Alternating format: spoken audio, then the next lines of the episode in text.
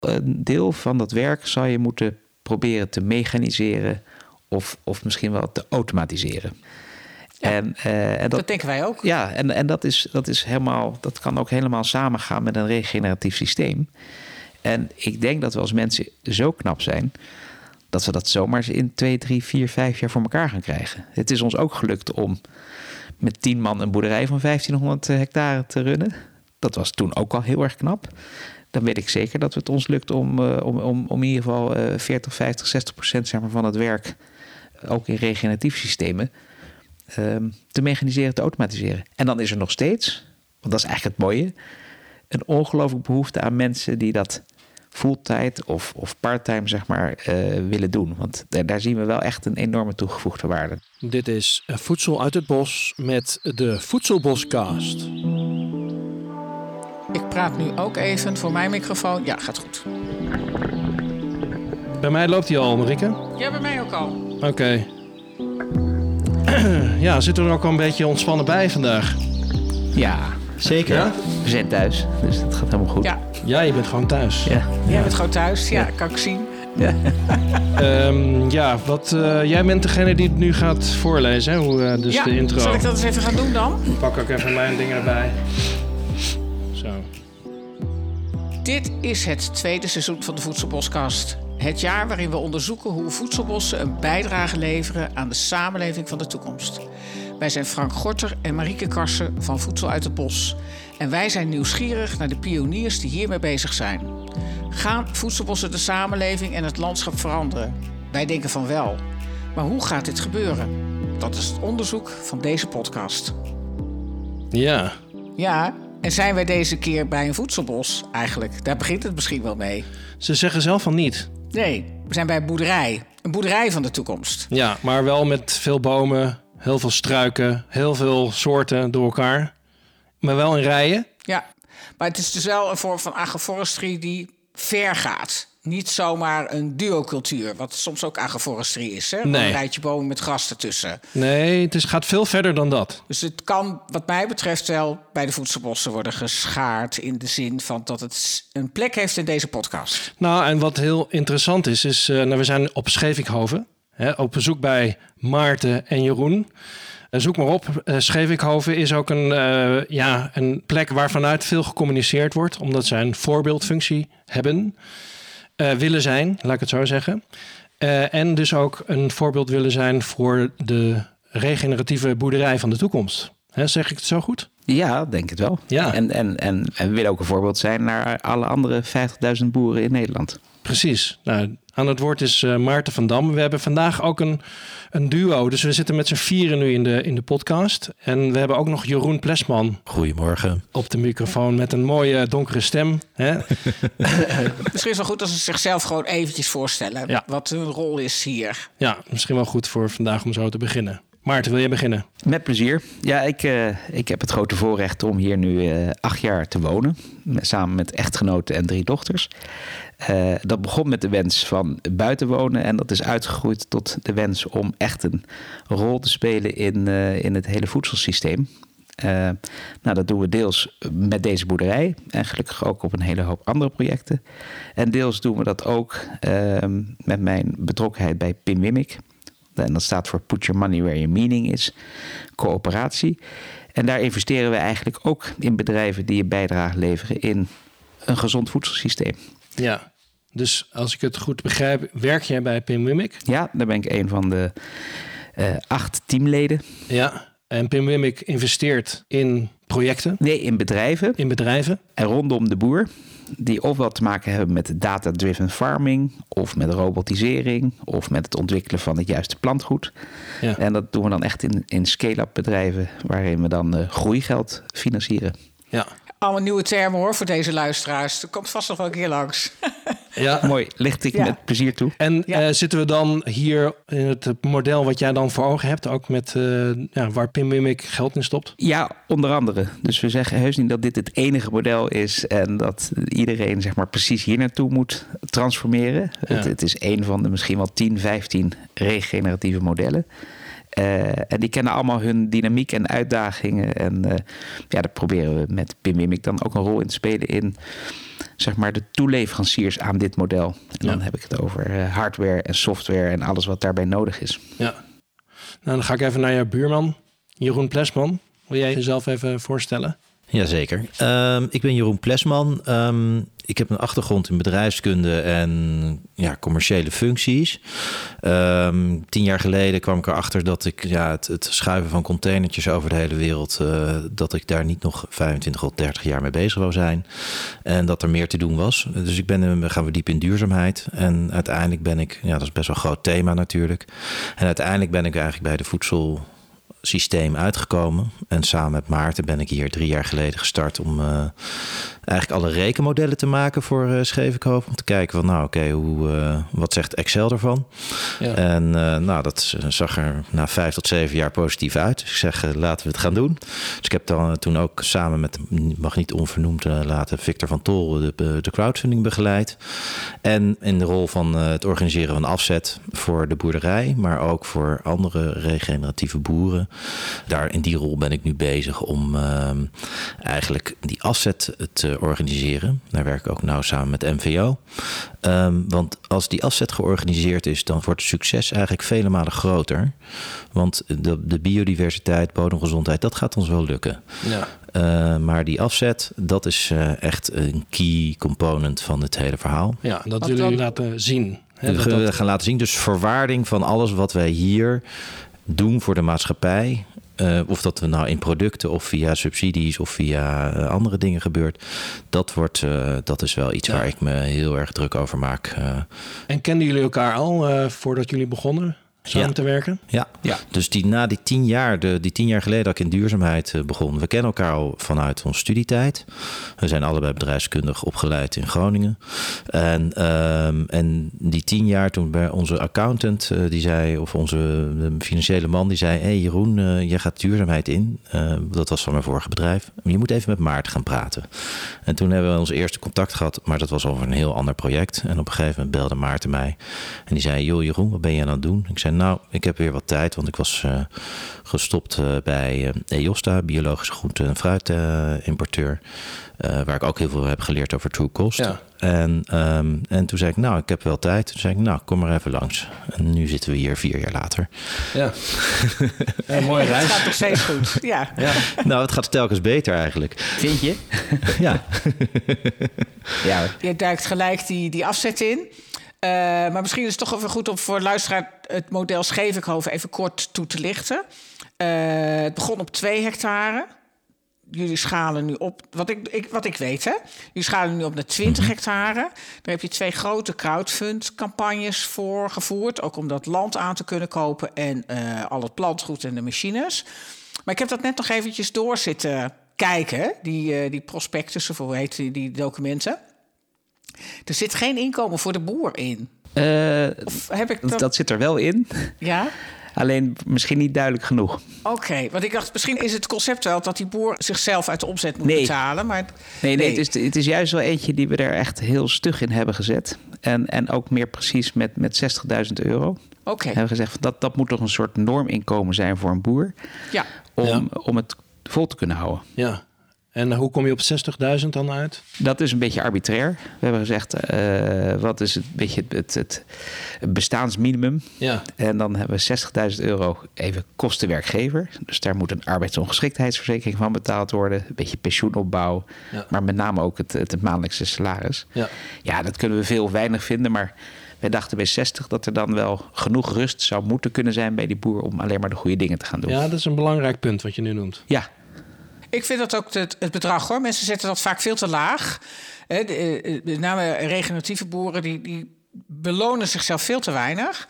Dus ik vind het heel goed dat het een keertje gezegd wordt dat dat tussen de 50 en de 60 moet zijn eigenlijk. Dan kan je ook voor je pensioen sparen en dan kan je ook je ziektekosten regelen. En, en ze komen vaak uit op 20, 30.000 euro. Dat is echt belachelijk veel te weinig. Ik zie ze knikken hier. Nee, is ja. dat een keertje gezegd wordt. Dankjewel. Ja, en, het, is, en het, het, het gaat nog verder. Kijk, de boer als sluitpost is, is een slecht idee. En, en, en Dat geldt voor elke sector. Hè? Dus laat je ook voor de, de ondernemer moet daar uh, moet het goed kunnen doen. En je moet je voorstellen dat je dan en een ongelooflijk zware taak hebt. En de hele dag een soort van zorgen hebt of je, uh, of je volgende week wel de elektriciteitsrekening kan betalen. Ja, dat is niet gezond. Je functioneert niet goed. Nee. Nou goed, dat van die 2 en die 20 hectare, dat heb ik dus blijkbaar goed begrepen. En, en daar hebben jullie allerlei dingen op rijen staan. Wat, wat is het ecologische concept of het landbouwkundige concept van jullie boerderij? Kan je dat kort vertellen? Ja, we noemen onszelf een regeneratieve permacultuur. Een herstellende permanente agricultuur. En herstellen is dan met name de bodemgezondheid, het bodemleven. Is dat ook een beetje naar eh, dat boek van, uh, hoe heet die ook alweer, van herstellende landbouw? Ja. Mark Shepard. Mark ja, Shepard. ja, ja, nee, absoluut. En, en we hebben gewoon cherrypicking gedaan met een hele hoop stromingen waarvan wij dachten dat, dat moeten we van die stroming lenen en dat moeten we van die stroming lenen en dat gaan we dan in de praktijk testen. Ja. En wij zijn ervan overtuigd dat, even gek gezegd, het bedrijfsmiddel grond nu zo verwaarloosd is dat we eerst die weer aan de praat moeten krijgen. En dan zeg ik het veel te zakelijk natuurlijk. Alvorens we alle systemen die daarop zitten, uh, zeg maar, uh, succesvol kunnen, kunnen ontwikkelen.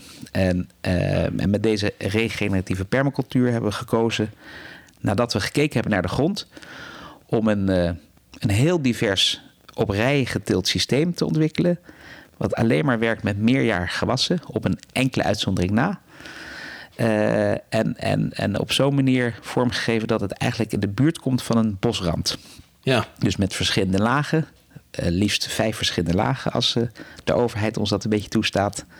Ja. En dan binnen het systeem met veertig verschillende soorten. En per soort ook nog eens een keer twee, drie verschillende rassen. Ja. En dan, en dan hopen we zeg maar, zo'n robuust systeem te creëren dat, dat het zelfvoorzienend kan zijn en zeg maar onder en boven de grond alles weer herstelt. Ja. En ook weer niet te gek is. Hè? Dus dat je ook met die 40 soorten, dan ga je weer naar die markt. Als je meer soorten gaat doen, dan krijg je ook een afzetprobleem. Je moet natuurlijk wel een polycultuur maken, maar het ook weer niet te gek maken. Is dat ook onderdeel van jullie concept? Ja, en dan, en dan uh, kijk ik vooral even naar Jeroen. Ja, nee, dat is zeker onderdeel van het concept. Maar, um, maar je moet daar dus ook weer de goede klant bij zoeken. Ja. Want ja, dat is nog niet voor een supermarkt. Kan dit nog, nou misschien een lokaal supermarktje, maar een grote retailer kan dit natuurlijk nog niet aan. Want er is te veel te veel variëteit en die zitten vol in en veel te in, inflexibel zijn die. Dus daarom hebben we drie partijen daar, uh, eigenlijk drie uh, partijen daar aangehangen. En die wel flexibel zijn. En dat zijn natuurlijk horeca. Nou, dat hoor je natuurlijk heel veel in de voedselbossenwereld. Dan heb je een partij als Wilderland, waar we echt dedicated uh, kruiden voor zijn gaan telen. Want die zeiden van nou, uh, wij hebben hun gewoon benaderd uh, en gezegd, joh, we gaan beginnen. jullie hebben die, deze doelen en die, die tikken wij allemaal met onze boerderij. kunnen we niet voor jullie dedicated wat kruiden gaan telen? Nou, dat, dat is dus gebeurd. Dus dat, dus dat doen we ook. Ik zeg niet dat het makkelijk is, maar daar, daar zijn we mee bezig en dat werkt redelijk goed. En dan hebben we nog een, een, een derde en een kleine vierde. Uh, de derde is boerschappen. En dat is natuurlijk fantastisch, want die kunnen zelf bepalen wat er in die boxen komt. Dus die kunnen eigenlijk hun, hun aanbod uh, aanpassen aan onze boerderij. Of andersom. Uh, maar die kunnen die variëteit aan in wat minder grote hoeveelheden. Uh, omdat ze nog niet zo groot zijn. Maar wij willen met hun doorgroeien. Dat is wel het Ja. grote doel. Ja, je hebt dus echt gezegd, we gaan niet 500 soorten doen. Dat, is- Nee. dat, dat heb je van tevoren. Nou, dat ja, hebben we nooit van dat- tevoren gezegd. Maar dat is, je moet ook in, in de realiteit kijken van wat, wat, wat is nou haalbaar. Kijk, eh, ik zat even die andere podcast te luisteren met- Victor. Eh, ja, kijk, die kan 500 soorten aan, omdat die elke keer een nieuw gerecht kan verzinnen. Maar dat is voor ons natuurlijk, wij zijn echt gericht op ehm, toch aan de distributie, toch dat er altijd wel een schakel tussen zit voordat het bij de consument komt. Dus ehm, Misschien mag ik daar nog één ding aan toevoegen. Ja. Want misschien wel het belangrijkste leidmotief wat we hebben... is om eh, het aan andere boeren te laten zien eh, dat het kan. En, dan, en, Ja. en, en waarom ik dat zo nadrukkelijk zeg... is omdat we echt kopieerbaar willen zijn. Dus wij werken niet met vrijwilligers. Wij werken niet met een boerderijwinkel. We werken niet met speciale subsidies. We werken met normale commodityprijzen. En we hopen met al die randvoorwaarden nog steeds te kunnen laten zien dat je de, het financieel rendabel eh, kan krijgen. Dat je een heel mooi systeem hebt ontwikkeld. Maar vooral ook dat het kopieerbaar is voor die andere 50.000 boeren. Ja. Kijk, het zal ons wel lukken om, om zeg maar iets heel speciaals te doen. En, maar dan zeggen die anderen, zeggen, ja, maar dat wil niet per se zeggen dat het ons ook lukt. En, en dat zou voor ons echt heel jammer zijn als, het, als we die, in dat steegje zijn beland. We willen echt gewoon een voorbeeld zijn wat kopieerbaar is. Ja, dus jullie willen niet te hoge complexiteit.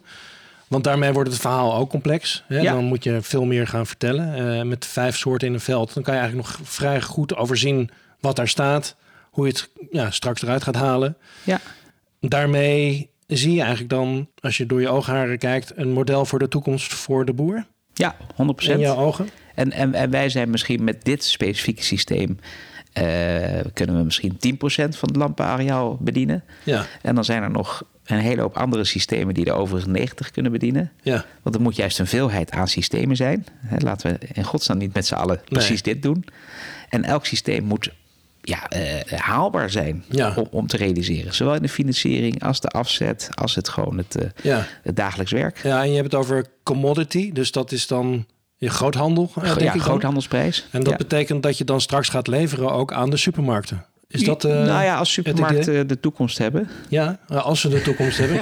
in ieder geval aan een tussenpersoon. Ja. ja, want dat zei ze net. Hè? Dus jullie willen echt niet met een boerderijwinkel en, en te, te korte keten. Maar jullie willen leveren aan een tussenpersoon. Zodat een boer gewoon een boer blijft. Dat heel veel boeren zijn zo. Die willen helemaal niet uh, allemaal mensen op hun erf en, en uh, de hele tijd moeten handelen. Die willen dat in een paar grote slagen elke keer wegbrengen. En dat is, dat is jullie model voor een deel. Ja. Ja, ja ik, ik had er gelijk ook wel weer nog een vraag over de financiering. Um, uh, jullie financiering is toch best heel bijzonder, die crowdfunding. Ik vind, het heel interessant. Ik, ik, ik, doe die cursus voedselbosplan. En dan, dan wordt mij altijd gevraagd: ja, impact-investeerders, wat zijn dat eigenlijk? En hoe doen die dat? En hoe zit dat? Nou, dan geef ik jullie altijd jullie uh, prospectussen. Ik zeg van hier kan je zien. Want deze mensen die snappen dat. Wat een impact-investeerder wil. Die wil, die wil niet per se heel veel rente. Want jullie, hebben helemaal, jullie geven helemaal niet veel rente op die, op die crowdfund-actie. Nou. De 2,2, 2,8 procent. Dat is, ja, het is maar hoe je er naar kijkt. Het is maar hoe je er naar kijkt. Ja. ja. Voor, voor nu. Oh, ja, voor nu. En uh, de eerste vijf jaar geloof ik niet uh, aflossingsvrij. Maar je biedt ontzettend veel zekerheid. En, en dat is denk ik het onderdeel van jullie concept. Jullie kunnen de zekerheid bieden dat een groot deel van het geld naar het land gaat. Maar jullie kunnen ook de zekerheid bieden dat mocht het allemaal misgaan, dan staat er iemand persoonlijk garant. Dat kan niet elke boer, denk ik. Hmm. Als hij net zoveel geld wil ophalen als jullie, hoe, hoe zien jullie dat kopieerbaar zijn? Nou, ik denk dat in principe elke boer het wel kan. Oké. Okay. En, en, en misschien wel moet ik dan heel even uitleggen hoe wij precies gefinancierd zijn. Want daar, daar, uh, ja. Ja. daar zijn we ook best open in.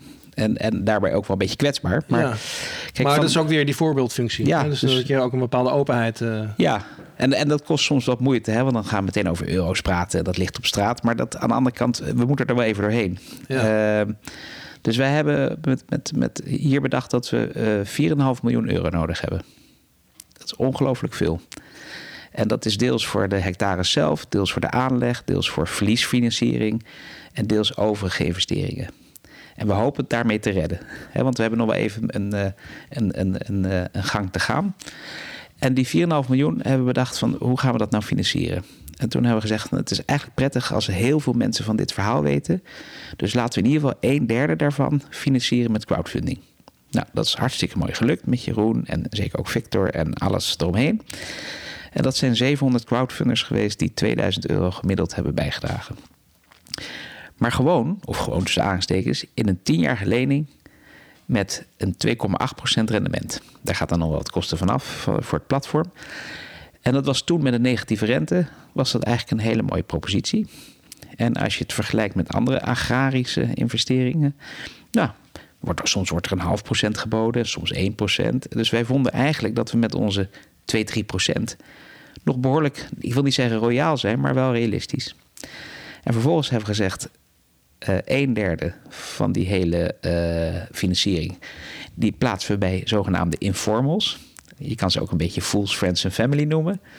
Die bereid zijn een wat groter ticket te doen. En die naast het financiële uh, investering ook voor hun persoonlijk belang hebben om hier betrokken bij te zijn. Of omdat ze nog veel meer grond hebben, of omdat ze zich erin willen verdiepen. Maar die, dat is een hele groep die we dichtbij houden, waar we veel overleg mee hebben, veel informatie uitwisselen. En die doen naast het financiële rendement, hebben ze dan ook nog ander rendement. Is ook een tienjarige lening. Ook tegen 3%, zonder onderpand. Ja. En, de, en de resterende een derde, dat zijn we zelf. Eigen vermogen. Ja. Dus we staan voor een derde aan de lat met eigen vermogen en voor twee derde aan de lat voor een lening. Ja. En die lening die kan nooit en ten nimmer uit dit systeem terugbetaald worden. Ik zeg niet nooit, maar in ieder geval niet in de looptijd van 10 jaar. Nee. Dus we zullen sowieso moeten mikken op een herfinanciering daarvan. Ja. En wij hopen dat door die modellen die dan Jeroen heeft gemaakt, uh, door aan te tonen dat het werkt, dat de meer conventionele uh, markt, leest de bank, Ja.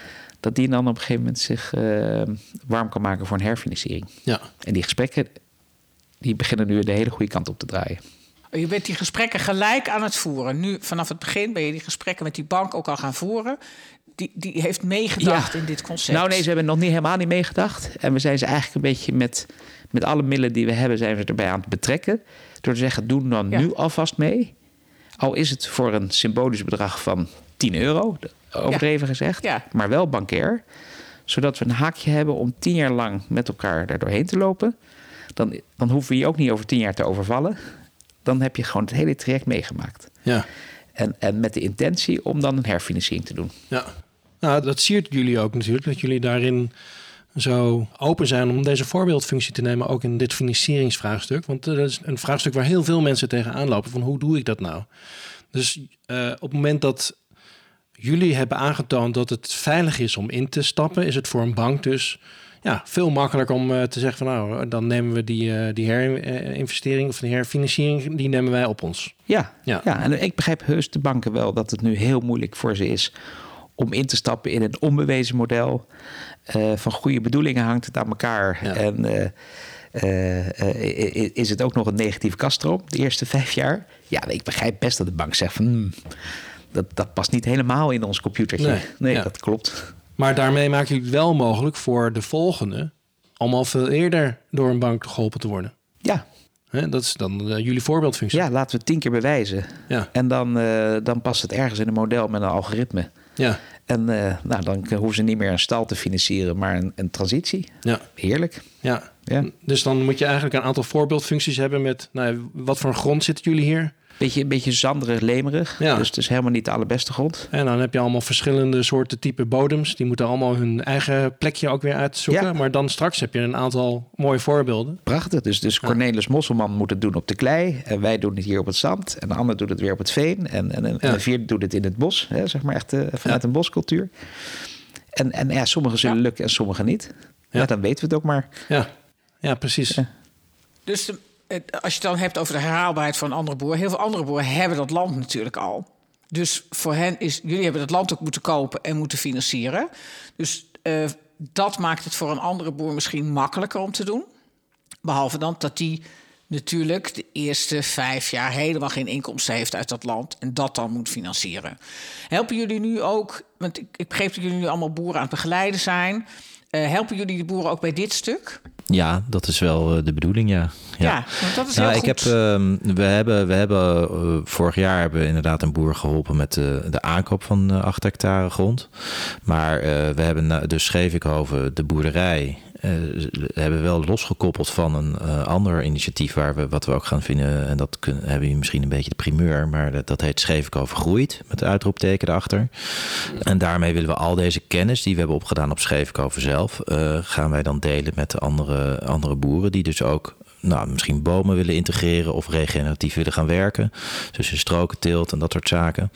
Eh, die helpen we dan met, eh, en daar hebben wij in ons netwerk hebben we, eh, bij elkaar geraapt. Dus dat is de rentmeester. Nou, dan hebben we een agronoom, dus de Blom zit daarbij. Wij zelf, ik dan rekenen en afzet. En dan hebben we nog een procesbegeleider. En zo proberen we dan projecten samen met die boeren te ontwikkelen. Die hebben dan de vraag, ja, hoe hoe, of van, die beginnen van scratch of die hebben een melkveehouderij en hoe integreer ik bomen met een tuinderij erbij? En hoe ga ik dan geld verdienen? En eh, nou daar eh, komt ons model dan weer aan te pas. En eh, daar helpen we ze dan mee om ook die financieringsvraag duidelijk te maken. Dan maken we een propositie en dan gaan we zoeken wie kan het dan financieren. Dat kan ons eigen mandje van impact investeerders zijn maar dat kan ook een ASR zijn die dan de grond herfinanciert waarmee je dan weer je, je verlies van inkomen kan financieren financieren. Goed hoor. Uh, maar dat Ja. vergt wel veel geloof.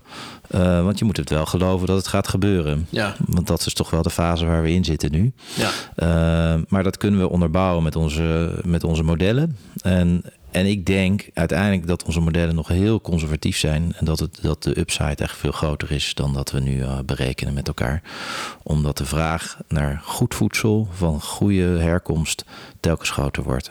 En Ja. uh, dat mensen daar achter gaan komen dat, dat dat ook wat waard is. Ja. Want lopen jullie zelf nu op schema? Of, of eh, hè, want je hebt een model gemaakt. Je bent inmiddels drie jaar verder. Ehm, ja, alles is natuurlijk anders dan het model. Ja. Toch? Denk ik. Alles is anders. Ja, precies. Geen enkel model wordt en, waar. En, en op schema is, is, is nou, Ja. zou een beetje een grote broek zijn. Ja. Eh, er zijn dingen die echt heel erg mee zijn gevallen. Bijvoorbeeld de kruidenoogst. ja. Eh, Die, die geven gewoon twee keer meer kilo's dan we hadden verwacht. Nou, dat is een mooie plus. En er zijn zaken die echt heel erg zijn tegengevallen. Eh, bijvoorbeeld de aanleg van het systeem, die initiële aanleg, is als je het stukje voor stukje doet, echt aanzienlijk duurder dan we hadden berekend op de volle 20 hectare. Dus, dus de- en, en op schema is het natuurlijk een beetje door je, door je wimpers kijken en zeggen van luister, eh, zitten we nog ongeveer op koers? En dan, dan, dan zeggen we ja. Dus Ja. Nee, maar je kan ook niet mooier verwachten bij dit model. Dat is gewoon niet anders. Dus de werkelijkheid komt op alle vlakken. Hebben jullie al een muizenplaag gehad bijvoorbeeld? Of dat soort vreselijke dingen? Ja, muizenplaag, rattenplaag, uitval van rassen, eh, te veel regen, te weinig regen. eh, eh, Ja. Allerlei ziektes die we allemaal over ons heen moeten laten erbij. komen. Hoort er allemaal bij. Ja. Hebben we ook best wel in het model opgenomen. Maar als je er dan toch naast staat, op staat, onder staat, denk je van oeh, Ja. Zit het nou echt goed in het model? Ja. Stopt dit nog een keer? Of, Ja. eh, Nou ja, dat noemen wij dan eh, skin in the game. Hè? Dus je, je staat erin, in het, in het veld, sta je er gewoon naar te kijken. ja. Eh, ja, met, met alle goede intenties ben je natuurlijk bezig. Maar ja, het tegelijkertijd, anders. het, het, het, het wandeltje wat we vanochtend heel even maakten. Ja. Als we dan midden in een heel vet klaverbed staan. Ja. Wat dan wat er pr- prachtig erbij ligt. Ja, dan kan je ook wel zeggen van ja, god, dat is dan ook wel weer zo mooi. Dat maakt een hele hoop van die andere uitdagingen wel weer goed. Ja. Ja. en wat je ook vertelde in dat wandelingetje, vind ik ook wel eh, toch ook belangrijk om, om te noemen. Hè, Als het allemaal niet uit zou komen wat je hebt bedacht, dan Ja. is het toch gelukt. Ja, dat is een beetje ook om te zorgen dat we nog wel enigszins slapen. Ja. Eh, met alle, alles wat we ons eh, hebben aangedaan. Maar stel nou inderdaad dat het gewoon niet lukt. En niet lukt bedoelen we te zeggen dat we het niet kunnen aantonen dat het financieel rendabel eh, is in de huidige economische omstandigheden. Ja. dan kunnen we het maar beter expliciet weten. En dan zijn of zijn wij slechte ondernemers. Nou, dat mag, dat kan. En dan kan iemand nog steeds zeggen: ja, maar dat hebben ze zo slecht gedaan, dat kunnen we beter. Nou, dat is ook een mooie uitkomst. Ja. Als, we, als dat niet zo is, dan kunnen we in ieder geval heel erg expliciet maken van waardoor het niet lukt. Ja. En dat kan zijn met te weinig eh, willen betalen voor eten. Het kan zijn een te stringente regelgeving. Het kan van alles zijn. Ja, dat kan er maar beter open, oud en niet open op tafel liggen. Ja. Dan hebben wij persoonlijk nog wel een probleem.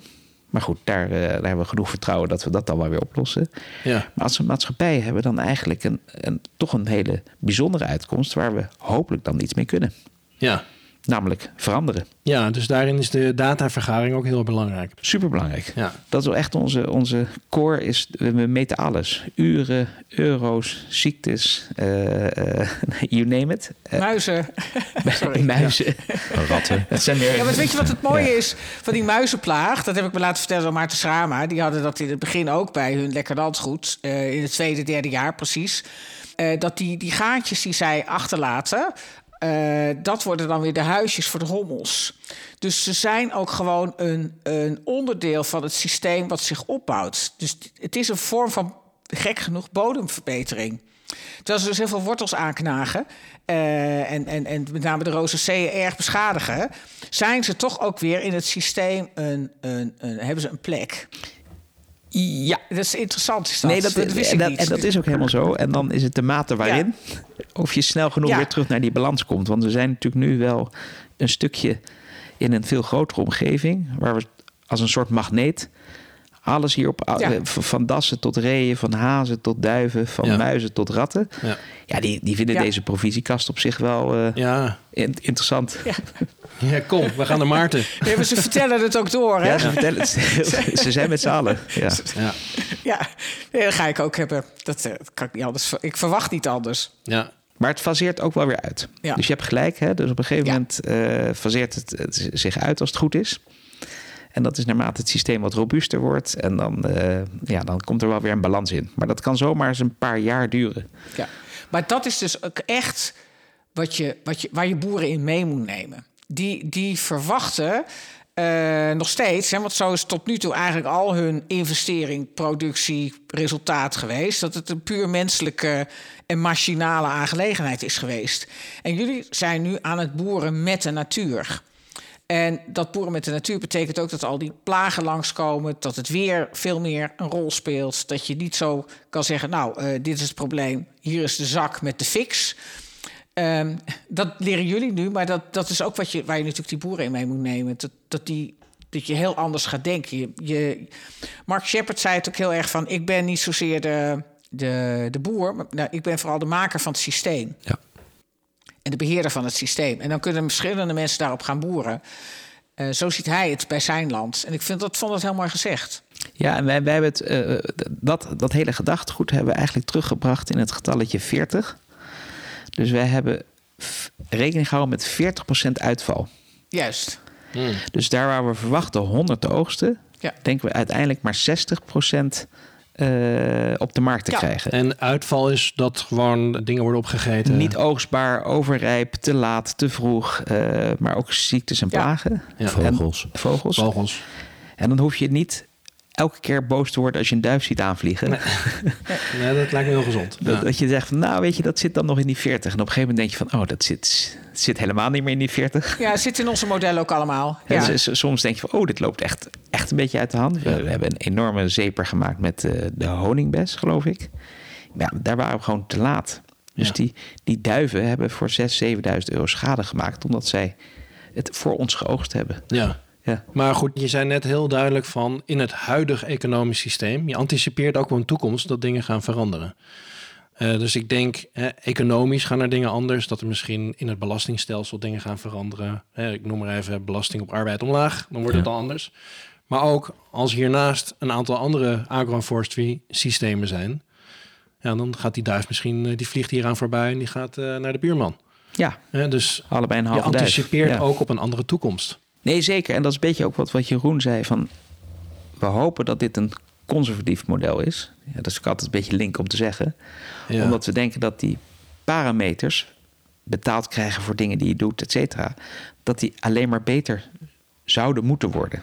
En als die beter worden, ja, dan wordt ons model ook aantrekkelijker. Ja, Maar dat is natuurlijk wel een beetje koffiedik kijken. En als je dan kijkt in de, in de grote botenbuizenwereld, zeker nu, denk ik van ja, wanneer wordt dat dan beter voor ons? Laten Ja. we maar eerst kijken of het in het huidige klimaat vol kunnen houden. ja. Ja, maar het is een exponentieel model. Hè? Een landbouw met, met lagen, Ja. waarbij je de bodem voedt.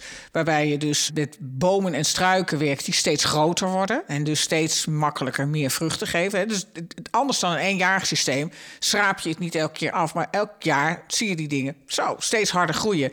Dus dat is exponentieel tot op zekere hoogte. Alle modellen laten dat zien. Het is geen hockeystick, maar het is wel iets wat steeds harder gaat. En je ziet natuurlijk Ketelbroek nu midden in die groeifase zitten. Dus heel af en toe toch ook weer eens goed om daar te kijken. Want daar zie je in één keer, wam, er komt zoveel van af. Die walnotenbomen worden in één keer zo groot. Het is echt in één keer, als je het vergelijkt met drie jaar geleden... zeker ook door die bever, een bos geworden. Ja. Het, het ware is, en in één keer is het een bos. En die magic, die krijg je als het systeem steviger wordt. En dat kan niet anders. Dat gaat gewoon gebeuren. Als die bomen maar blijven leven, Ja. en dan krijg je dat, dat gewoon. Daar is geen, daar hoef je niet bang voor te zijn. Dat kan gewoon niet anders. Ja, je zegt het ook wel mooi, want eh, uiteindelijk ben je de overvloed aan het oogsten. Ja, Ja. Dus de, je moet Ja. naar een fase komen dat, er, dat die overvloed kan ontstaan. Weet je? En de natuur werkt altijd met overvloeden. Ja. Dus, dus, dus we, we sturen aan op een soort creëren van overvloed. En dat, dat mogen we dan als mensen oogsten. Is dat niet ook het regeneratieve stuk? Hè? Want Ja. regeneratie betekent Ja. ook dat je Ja. de, de surplus van het een is weer de input van het ander. Ja, ja. Dus, dus als, het heel, als je het marginaal blijft doen en je trekt de hele tijd diezelfde aardappels van hetzelfde stukje grond, ja, dan, dan dat heeft niks met overvloed te maken. Ja. krijg je geen successie. Dan krijg je niet Nee, die nee. opbouw.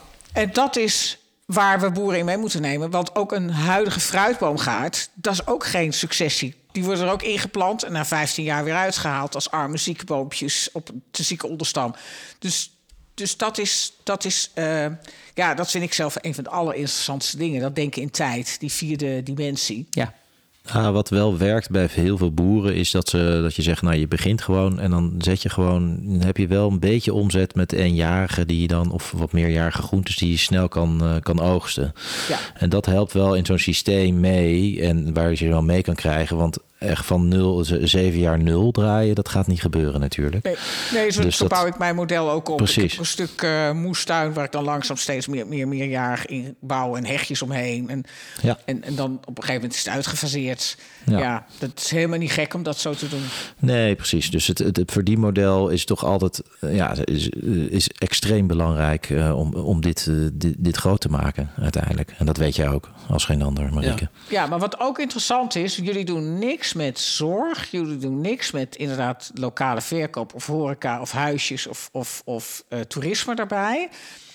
Eh, want dat is wat heel veel boeren natuurlijk wel doen als ze willen overgaan. Dat ze er toch aan eh, events of aan hè, directe verkoop toch een deel willen gaan verdienen. ja dat, en, en dat juichen we ook meteen toe.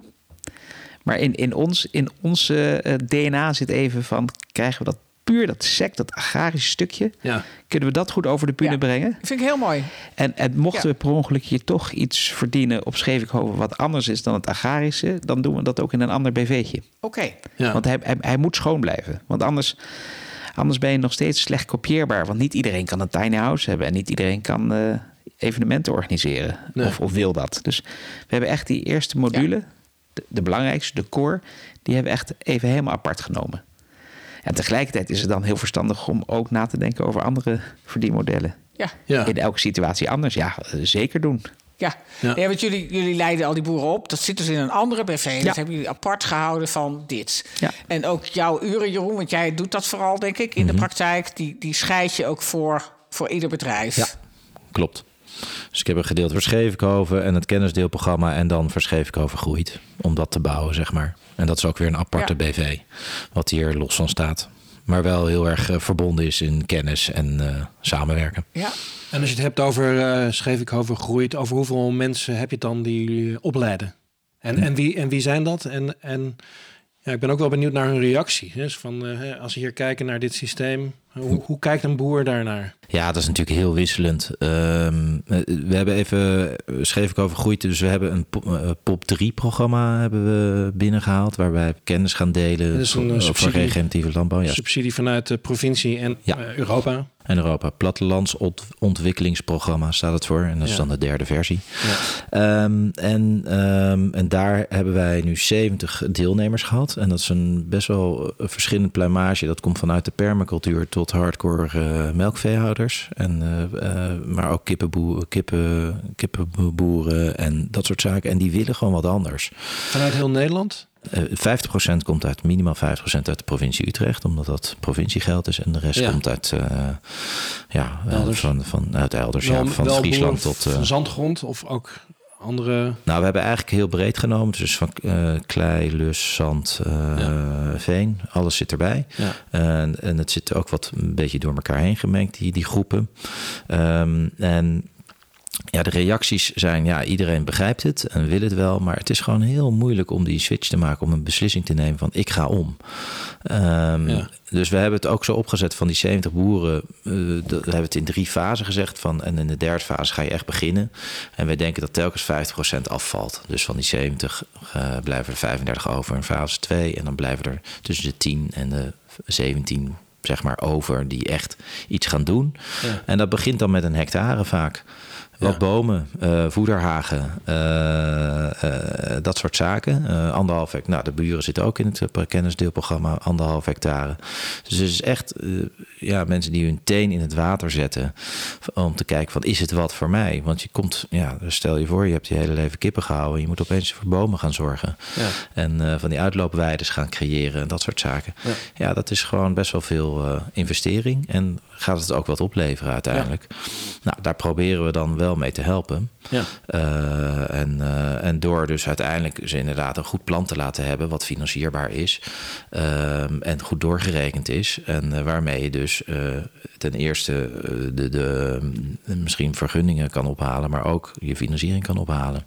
Dus. Um, ja. Soos. En de reacties, ja, het is nog een echt een pioniersfase zitten we in. En dus, uh, en ik moet wel zeggen, het valt me op dat er heel veel vrouwen tussen zitten die iets willen. Oh, en, oh ja, uh, dus die zijn, zijn Ja. toch de, de drivers uh, for change misschien, uh, denk ik in dit geval. Maar Ja. dat valt me in ieder geval op. In dit, uh, Ja. Dus er zijn ook veel vrouwen en die nemen dan hun man mee, die dan schoorvoetend uh, vaak aan tafel zit en uh, het aanluistert, maar vaak ook Ah, ja. enthousiast weer, uh, weer wegloopt. Ja, Maar bijzonder.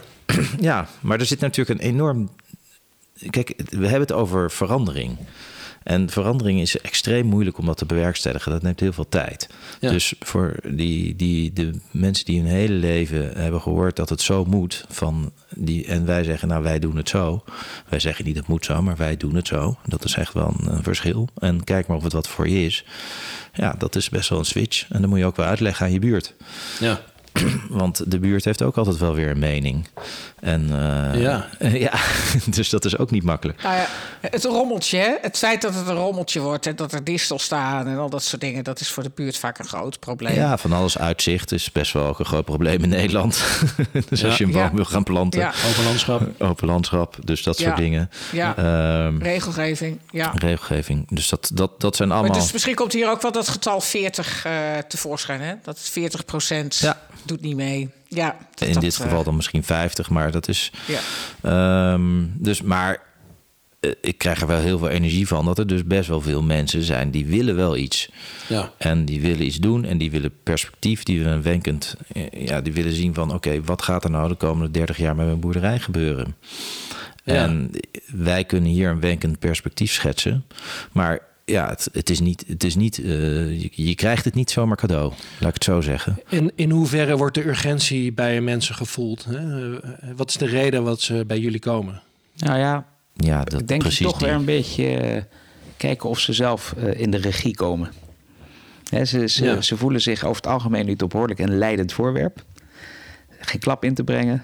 Eh, Dus ieder- dat is meer eigenlijk hoe ze in relatie staan tot het systeem. Ja, tot het systeem. En of dat nou de afnemers, toeleveranciers, overheid of consumenten is. Ik denk over het algemeen dat een hele hoop boeren zich meer leidend voorwerp voelen dan ondernemer.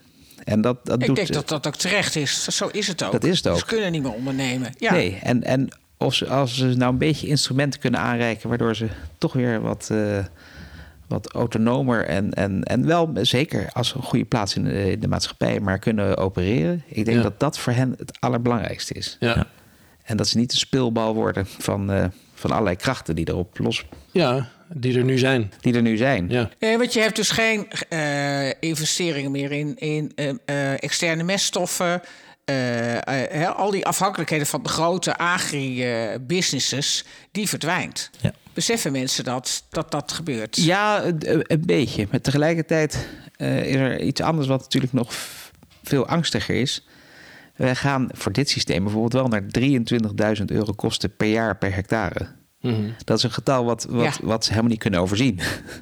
Hè, want de gemiddelde Nee. akkerbouwer zit ongeveer op 2000. En waar zit de voornaamste kosten in? Arbeid, Arbeid. Ja. arbeid. En dat, dat, gelukkig loopt dat op een gegeven moment een beetje parallel met de oogst. Als er niks te oogsten is, is er ook geen arbeid. Nee. Maar, eh, maar dus, dus dat, je, dat het een zoveel intensiever systeem wordt in die arbeid. Terwijl je normaal gesproken gewend bent om die 60 hectare boerderij in je eentje te doen. Ja. Ja, heb je er nu eh, misschien wel 10, 20, 30 mensen voor nodig. Nee, dat, dat ga je alleen doen als je bij de buren hebt gezien dat het kan. Ja, en, en hebben mensen door dat dit dus ook een, een verandering is in het sociale? Hè, want eh, dan heb je opeens die 20, 30 mensen rondlopen op jouw plek. Ja, en zie je ze maar te krijgen. En ze maar eens te krijgen. En zijn Ja. ze er? Of eh, mensen verdwijnen misschien ook weer. En, Ja, dus dat, dat is Je wel... bent met mensen bezig. Ja, en dat is wel angstig, hè? Want normaal zit je op die hele grote combine in je eentje. En doe je, doe je Ja. 50 bundelen in een dag. Ja, Ja. weet je dat. En vandaar die vrouwen misschien ook, die durven dat makkelijker. Eh, dat communiceren, dat, dat hè, al die mensen op je erf. Ja. Eh, over het algemeen zijn de vrouwen makkelijker in, in dat soort communicatievaardigheden. En hoe zien jullie dat dan? Daar wil even gelijk het bruggetje maken met oogsten met drones en zo en dat soort dingen. Want je, je vertelde net dat je met Pim Wimik ook toch een beetje in die uh, robotica ook bezig bent. Heb je daar ook een visie over dat, dat dat misschien ook wel helemaal niet zo lang gaat duren? Dat we, dat, dat we weer juist niet zoveel mensen nodig hebben? Ja, nee, daar, daar hebben we een, uitgesproken visie over, zeg maar. En dat is volgens de theory of change. Dus je wil iets veranderen en dan ga je helemaal uitpluizen, zeg maar, welke rol je daar dan in kan spelen. En voor Pim geldt dat we inderdaad onderkennen dat er niet, simpelweg niet genoeg mensen zijn. Dus je zal... Hier? Uh, hier, maar je, je, kan je ook afvragen wereldwijd. Um, dus je zal een deel van dat werk zal je moeten proberen te mechaniseren of, of misschien wel te automatiseren. en, uh, en dat, dat, denken wij ook. Ja, en, en dat, is, dat, is helemaal, dat kan ook helemaal samengaan met een regeneratief systeem. En ik denk dat we als mensen zo knap zijn dat we dat zomaar in twee, drie, vier, vijf jaar voor elkaar gaan krijgen. Het is ons ook gelukt om met tien man een boerderij van 1500 hectare te runnen. Dat was toen ook al heel erg knap. Dan weet ik zeker dat het ons lukt om, uh, om, om, om in ieder geval uh, 40, 50, 60 procent zeg maar, van het werk ook in regeneratieve systemen, um, te mechaniseren, te automatiseren. En dan is er nog steeds, want dat is eigenlijk het mooie, een ongelooflijk behoefte aan mensen die dat fulltime of, of parttime zeg maar uh, willen doen. Want daar, daar, zien we wel echt een enorme toegevoegde waarde. Dat die mensen dat uh, daar veel dichterbij komen te staan. Maar heb je het dan gewoon over mensen die uh, normaal gesproken vijf dagen in het kantoor zitten en dan één dag inruilen voor op het land werken? Of? Die zijn er. Zelf vinden we de groep van te vroeg met pensioen gegaane mensen vinden we een hele mooie groep. Weet je? Ja. En dan hebben we ook de gesprekken over hier in het dorp. Dat ik denk dat als je mensen vraagt na hun 65ste. Vind je het nog leuk om 1, 2, 3, 4, 5 dagen per week hier te, aan de slag te komen? Ja. Dan zeggen ze meteen ja. En daarna ga je ze vertellen dat ze daar nog mee verdienen ook. Nou, dan, dan ontstaat er helemaal het gevoel van... hé, hey, je ziet me echt staan. Je, je waardeert echt wat ik kom doen. Ja. Je vraagt me dus niet als vrijwilliger. Zegt nee, nee, we betalen iedereen tussen de 15 en de 60 euro per uur. Ja. hangt een beetje af wat je aan het doen bent. Nou ja, dan, dan is daar volgens mij nog zo'n ongelooflijk arbeidspotentieel. Ja. En als ze die er gewoon weer bij kunnen halen, ja, dat... dat nou. Ja, dus jullie hebben dat al wel in de, in de begrotingen zitten, deze getallen? Die 15 tot 60 euro per uur zit in de begroting. Ja. Ja. Wat mag ik nog eventjes nog even tussendoor? Want er zit één boer op fulltime of twee boeren? Nee, dat team is. Uh, we hebben nu, als je het even allemaal bij elkaar optelt, zitten we op 3,5, 4 FTE. Oké. Okay. Wat gewoon dus fulltime, fulltime, werkt op deze 20 hectare. Ja. Op 6 hectare. 6 hectare, ja. oké. En, en want we, we, zijn begonnen met 2, zitten nu op 6, groeien we door naar 20. Oké. Okay. Want 20 is de, is, de, is de omvang die we nodig hebben om die modellen van Jeroen een beetje te laten uitkomen. Ja. En, en in het begin gaat er een hele hoop arbeid in de aanleg. En, en, en, en, en op een gegeven moment verschuift die arbeid naar het oogsten. Ja. ja. Maar nu, zonder verdere mechanisatie, houden we rekening dat je één FTE, ja, het is altijd een beetje in FTE's uitgerekend, per twee hectare nodig hebt. Oké. Ja. En dat is heftig. Ja. En, en hopelijk gaat dat een beetje omlaag doordat we zeg maar, in de techniek zeg maar, uh, ja. verder ontwikkelen. Maar de, die optimalisering die komt dan later ook wel. Ja. Hè? Want, ja. En zo niet, dan niet. Uh, maar dan, dan hebben we wel met het arbeidspotentieel iets, uh, iets te doen. Ja. En of het nou pensionado's zijn of mensen van buiten of nou, noem het maar. Dat, maar dan wordt het een, een heel ander vraagstuk. Ja, ja. Um, ik zit ook even met een schuin oog naar de tijd te kijken. Ja, volgens mij gaan we lekker. We gaan al richting een uur. Dus dan, dat is altijd het moment dat ik dan even kijk naar Marieke en zeg van... hey, heb jij, nog, een, uh, heb jij nog een prangende vraag? Ik heb nog een laatste vraag. Ja, die heb ik expres wat... wat... Maarten, jij bent hier echt aan het gaan wonen. Hè? Dit is jouw huis. Om jouw huis heen bestaat dit nu allemaal. Um, met je dochters en met je vrouw. En, en, het is gewoon je leven geworden. Wat, wat kan je zeggen dat nou voor jullie family... voor jullie familie anders of beter is... dan toen je zo'n woonomgeving nog niet had? Gewoon even naar het persoonlijke. Uh, alles. Ja. Dus toen wij acht jaar geleden uh, hier zijn gaan wonen... toen hadden we wel de hoop dat we in een soort sweet spot terecht zouden komen... Uh, waar we wonen, werken, ouders die op het erf wonen... bedrijf aan huis, dat dat allemaal zou uitpakken zoals we hadden gedacht. Maar dat het zo mooi zou uitpakken, dat hadden we niet durven dromen. En dat is af en toe ook heel frustrerend. Want je bent eigenlijk wel zeven dagen per week aan de slag. En met heel veel moeite krijg het voor elkaar om misschien één dag te zorgen dat er niemand op het erf is. Even Ja. flauw Ja, gezegd. je bent nooit meer alleen dus. Je bent nooit meer alleen. En dat, dat is overwegend is dat hartstikke mooi. En soms ook wat beklemmend. Maar dat we gewoon midden in onze eh, eh, ambitie wonen, werken, recreëren, zijn. Ja, dat is dat. Ik gun het iedereen. Ik gun het echt iedereen. Ja, dus jouw ouders wonen hier ook, of, of de ouders van je vrouw. Zei je dat Ja, nou? mijn, mijn schoonmoeder die woont er al een jaar of vijf in een van de verbouwde eh, eh, schuren tot huis. En mijn ouders die wonen nu nog in Zeeland, maar die, daar het huis is ook al klaar. En die, die, eh, die zitten hier dan gemiddeld een week per maand. Zoiets. Ja. Prachtig, dat wist ik niet. Heel mooi. Want ik denk dat het heel belangrijk is dat we weer leren om met meerdere generaties en met eh, ja, meer, eh, niet alleen maar in zo'n klein gezinsmodelletje eh, wonend, dat dat er ook bij hoort. Ja, de- ab- absoluut. En dat, de- de- Ja. dat, dat is helemaal niet makkelijk. Kijk, we hebben hier toevallig best wel veel ruimte. En dan is het nog steeds niet altijd even makkelijk. Hè? En, en alle grappen, die kan je wel voorstellen. Ja. Met schoonmoeders en ouders. En, en, en, dus, maar daar uiteindelijk, als je dan af en toe zo rondloopt... dan, dan, dan lopen we hier gewoon hartstikke trots rond. En hebben we het Ja. gevoel dat iedereen die hier rondloopt... en ik hoop dat Jeroen dat kan, moet, wil beamen... iedereen voelt zich een beetje eigenaar van deze plek Wauw. in ieder geval verbonden. Weet je, en dat, Ja. dat- we, zijn ook echt wel, weet je, de sleutel zit gewoon in de voordeur. En eh, je, komt er naar binnen. Weet je, het is eh, niet dat we naïef zijn, maar we willen gewoon echt iets uitdragen dat dit plekje is al 400 jaar oud. En daar zijn wij nu toevallig de passant. Nou, laat, er, laat er nog veel meer mensen van genieten. Er zijn hier elke dag zijn hier Ja, dan 20. ben ik degene die dan niet mijn eh, telefoon... eh, Ja, dat weet je. nou, neem dan maar op. Ja, nee, nee, ik ga niet opnemen. Nee, Nee, dat- gaan we dan... nee. Ja, maar misschien is het wel... eh, Onze geluidsman. Geweldig. dat is wel- Dat is net zoiets ontzettend moois aan het zeggen, Maart. Nou ja, wat ik wilde zeggen is, Ja. er is hier een enorme reuring. We hebben elke dag wel zo'n 20, 25 mensen die hier werken. Eh, Wauw. Eh, ontvangen zo'n 3, 3.500 mensen per jaar, zeg maar, die hier op bezoek komen. En natuurlijk is dat best veel werk, maar het voelt zo natuurlijk dat we dat eigenlijk prima makkelijk aankunnen. Nou, dat is eigenlijk een beetje een teken dat we wel op onze plekje zitten. Ja. Dankjewel. Mooi antwoord. Ja, mooi.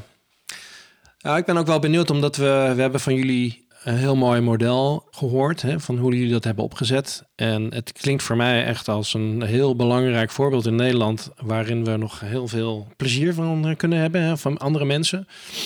Zijn er ook dingen die jullie nu anders zouden hebben gedaan? Hè? Zijn er dingen waarvan je denkt, nou, ik ben nu zoveel jaar verder, eh, eigenlijk had ik dat misschien wel op een andere manier gedaan. Eh, ik denk dat het goed is dat we onbezonnen gewoon begonnen zijn. Ja, ik denk dat we ons wel toen te weinig hebben gerealiseerd hoe nauwkeurig het systeem zelf, hoe, hoe nauwkeurig dat luistert. Dus eh, we zijn er, komen er elke dag meer en meer achter. En zeker ook met onze bedrijfsleider Ruben en Meerte en Eliette, mijn echtgenote. Dat het systeem zoals het nu staat, zijn we best trots op. ja, Maar daar moeten we nog zoveel slagen op maken voordat het echt een systeem is dat robuust is. Met soorten en rassen en plantfamilies en gildes.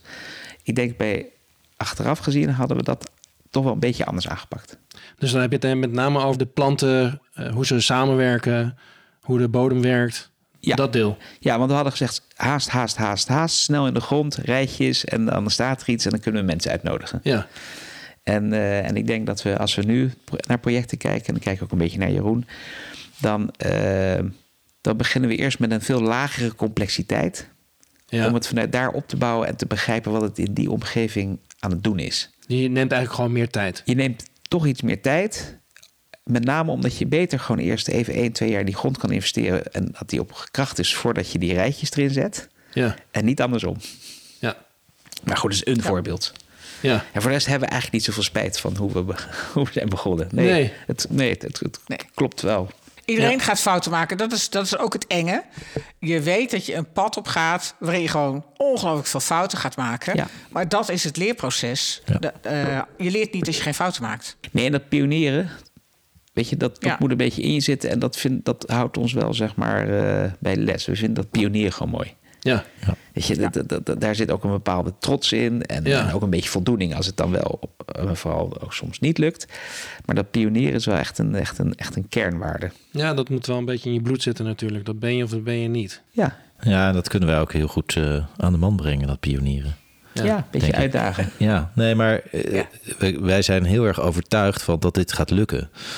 Gaat het ook? Eh, en Ja. Ja. jij zegt, eh, en, en we weten dat er natuurlijk extreem veel op ons af gaat komen. Maar we hebben wel gewoon, eh, we zijn ervan overtuigd dat het gaat lukken. Dus we krijgen ook mensen mee. Dus dat is denk ik ook heel erg belangrijk. Je omgeving en je familie. ja je, moet, je moet wel gewoon gaan staan. Hè, voor, eh, Nou, zelf mijn vader als piloot, die zegt... nou, je hebt wel lef gehad, maar volgens Ja. mij gaat het wel lukken. ja, Dat is, dat is een... eh, die, eh, was dan gaat gewoon daar af. is de knop aan of uit. ja. En dan Ja. gaat hij gewoon Fijn. uit van hoe hij naar jou kijkt. Hè? Ik bedoel, ja, Ja. Het systeem moet nog helemaal groeien en het moet nog echt eh, iets worden. Maar, die hij kijkt gewoon naar jou als zoon die Ja. ergens mee bezig is. Nou, maar hij begint het nu ook te begrijpen. En Ja. dat is het mooie ervan. Ja. Als hij het gaat begrijpen, en dat is gewoon een man die zegt... nou, Shell moet nog gewoon lekker door blijven pompen. Want, Ja. Oké. Ja. Dus, dus dat, eh, dat is leuk om te, om te zien. Dat je je overtuiging, dat het, eh, dat de waarheid wordt uiteindelijk. En misschien eh, filosofisch, maar eh, ja, dat, dat geeft ook veel voldoening. Ja. in ieder geval aan, aan mijn kant. Ja, nee, maar dat begrijp ik helemaal. Ja. Ik- Ik heb ook zo'n vader. Ja. Ja. dus ik doe het ook anders dan Ja. hij doet. Dus ja, Ik doe het niet voor hem. nee. Maar ik doe het voor dat ik, omdat, ik, omdat wij Ja. vinden, wij doen het niet, eh, wij doen het omdat we dit vinden dat dit moet gebeuren. Nee, we doen Ja. het eerder voor onze kinderen. Ja. Maar als onze ouders en grootouders dan op een gegeven moment... eh, die leven niet meer bij mij. Maar Ja, dat dan ook gaan onderkennen... nou, dat is toch wel een bevestiging dat er, eh, ja. dat er iets verandert. Ja, precies. Nou, je bent op je eigen plek gaan staan. En dat, is Ja. natuurlijk, eh, en eh, dat wens ik ook heel veel andere mensen toe. Dat, Exact. eh, dat je dat doet. En Ja. eh, Ja. soms is dat in het begin niet zo eh, makkelijk. Maar op, op, op een gegeven moment gaan mensen zien dat je op die plek staat. En dan wordt dat gewoon normaal. Ja. Ja. Nou, het heeft tien jaar geduurd, dus eh, ja. Dat duurt we eventjes. er. Ja. maar is wel leuk. Ja. Dus ik moedig iedereen Ja. aan om eh, just do it en eh, blijf doorgaan. Nou, mooie woorden. Ja. Dus ook mooi om mee af te sluiten. Hè? Vind ik ook. Mooi. Dankjewel. Dank jullie wel. Heerlijk gesprek. Met plezier. Ja, Ja. schreef ik over. Schreef ik over groeit. Schreef ik over goed.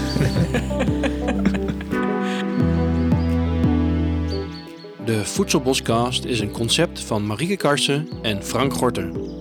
Techniek, editing en de muziek is gedaan door Frank Gorter. Verder danken wij de rest van de organisatie van Voedsel uit het Bos, Anje Poortman en Joep van der Wal. Mochten er luisteraars zijn die deze podcast willen ondersteunen, dan wordt het erg op prijs gesteld, want we zoeken nog sponsors. Stuur een mailtje naar info.voedseluithetbos.nl